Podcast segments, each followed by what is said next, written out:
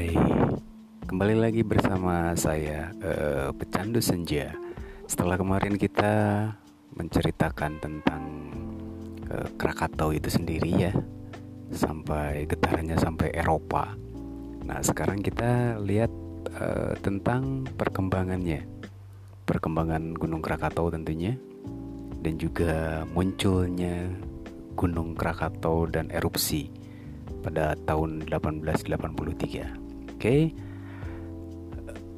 Mulai dari mana ya? Nah, sepertinya kita uh, dari Gunung Krakatau Purba dulu. Kenapa itu disebut Gunung Krakatau Purba?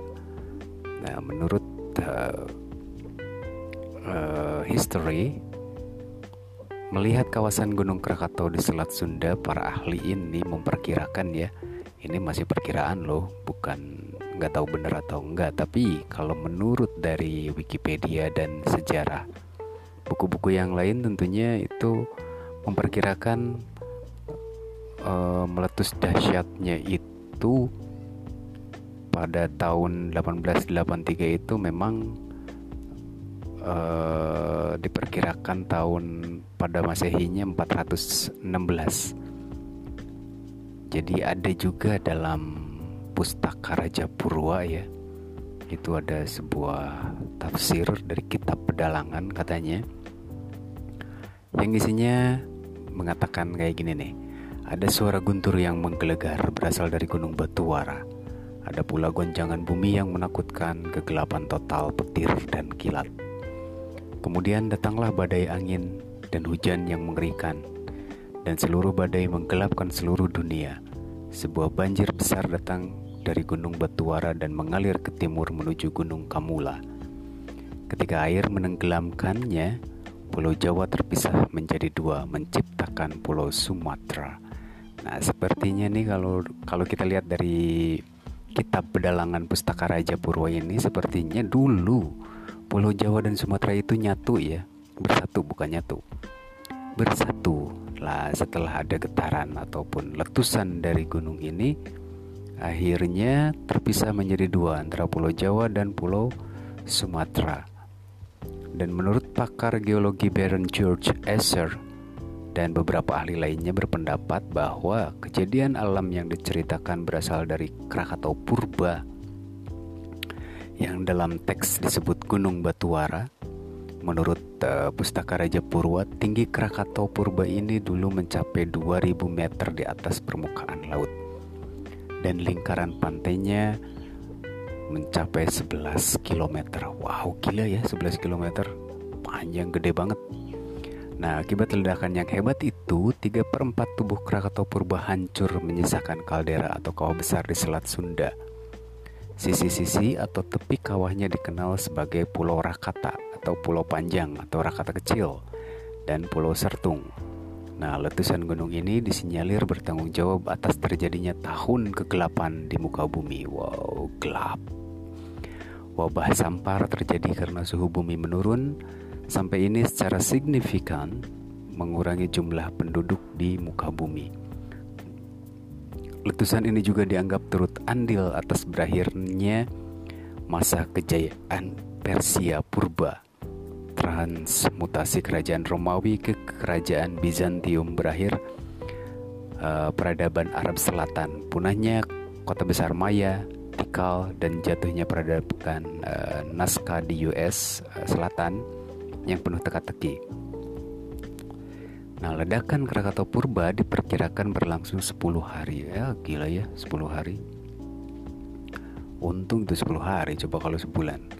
Dengan perkiraan kecepatan muntahan mesak mencapai 1 juta ton per detik, ledakan tersebut telah membentuk perisai atmosfer setebal 20-150 meter menurunkan temperatur sebesar 5-10 derajat selama 10-20 tahun. Hmm, hmm, hmm, amazing ya. Gila gila gila.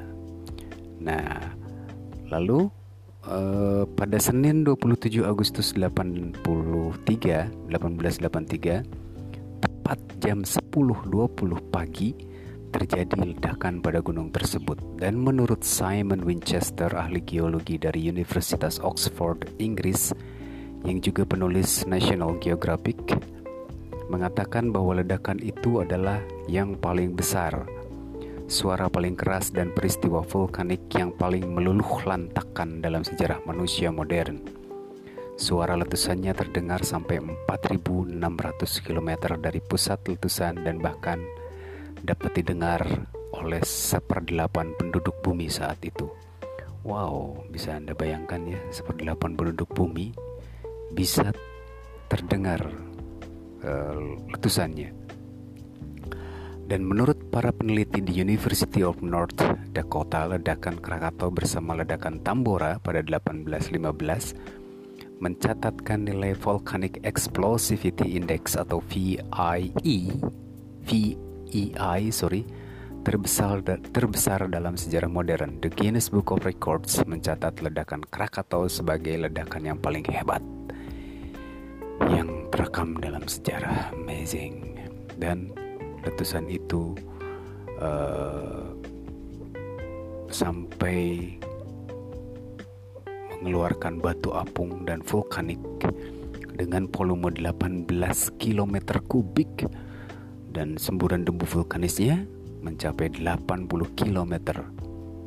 Benda-benda keras yang berhamburan ke udara itu jatuh di dataran Pulau Jawa dan Sumatera bahkan konon katanya sampai ke Sri Lanka, India, Pakistan, Australia, New Zealand. Letusan itu menghancurkan Gunung Danan, Gunung Perbuatan, uh, serta sebagian Gunung Rakata, di mana setengah kerucutnya hilang, membuat cekungan selebar 7 km dan sedalam 250 meter. Dan tsunami naik 40 meter menghancurkan desa-desa apa saja yang berada di pesisir pantai. Tsunami ini timbul bukan hanya karena letusan tetapi juga longsoran bawah laut.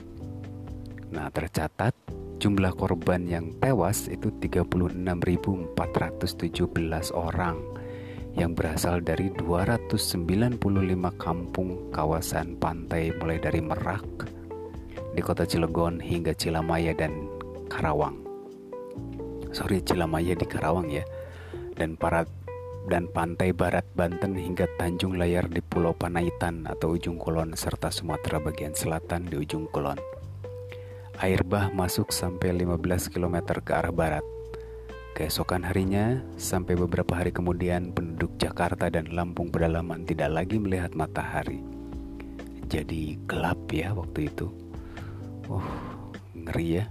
Gelombang tsunami yang ditimbulkan bahkan merambat hingga ke pantai Hawaii, pantai barat Amerika Tengah dan semenanjung Arab yang jauhnya 7000 km. Wow, gila 7 km itu. Jauh sekali ya, tapi bisa merambat sampai ke sana. Wah, sepertinya itu untuk uh, episode yang kedua tentang erupsi dan juga tentang munculnya anak uh, Gunung Krakatau Dan nanti saya sambung lagi untuk uh, episode ketiga. Oke, okay? thank you and bye.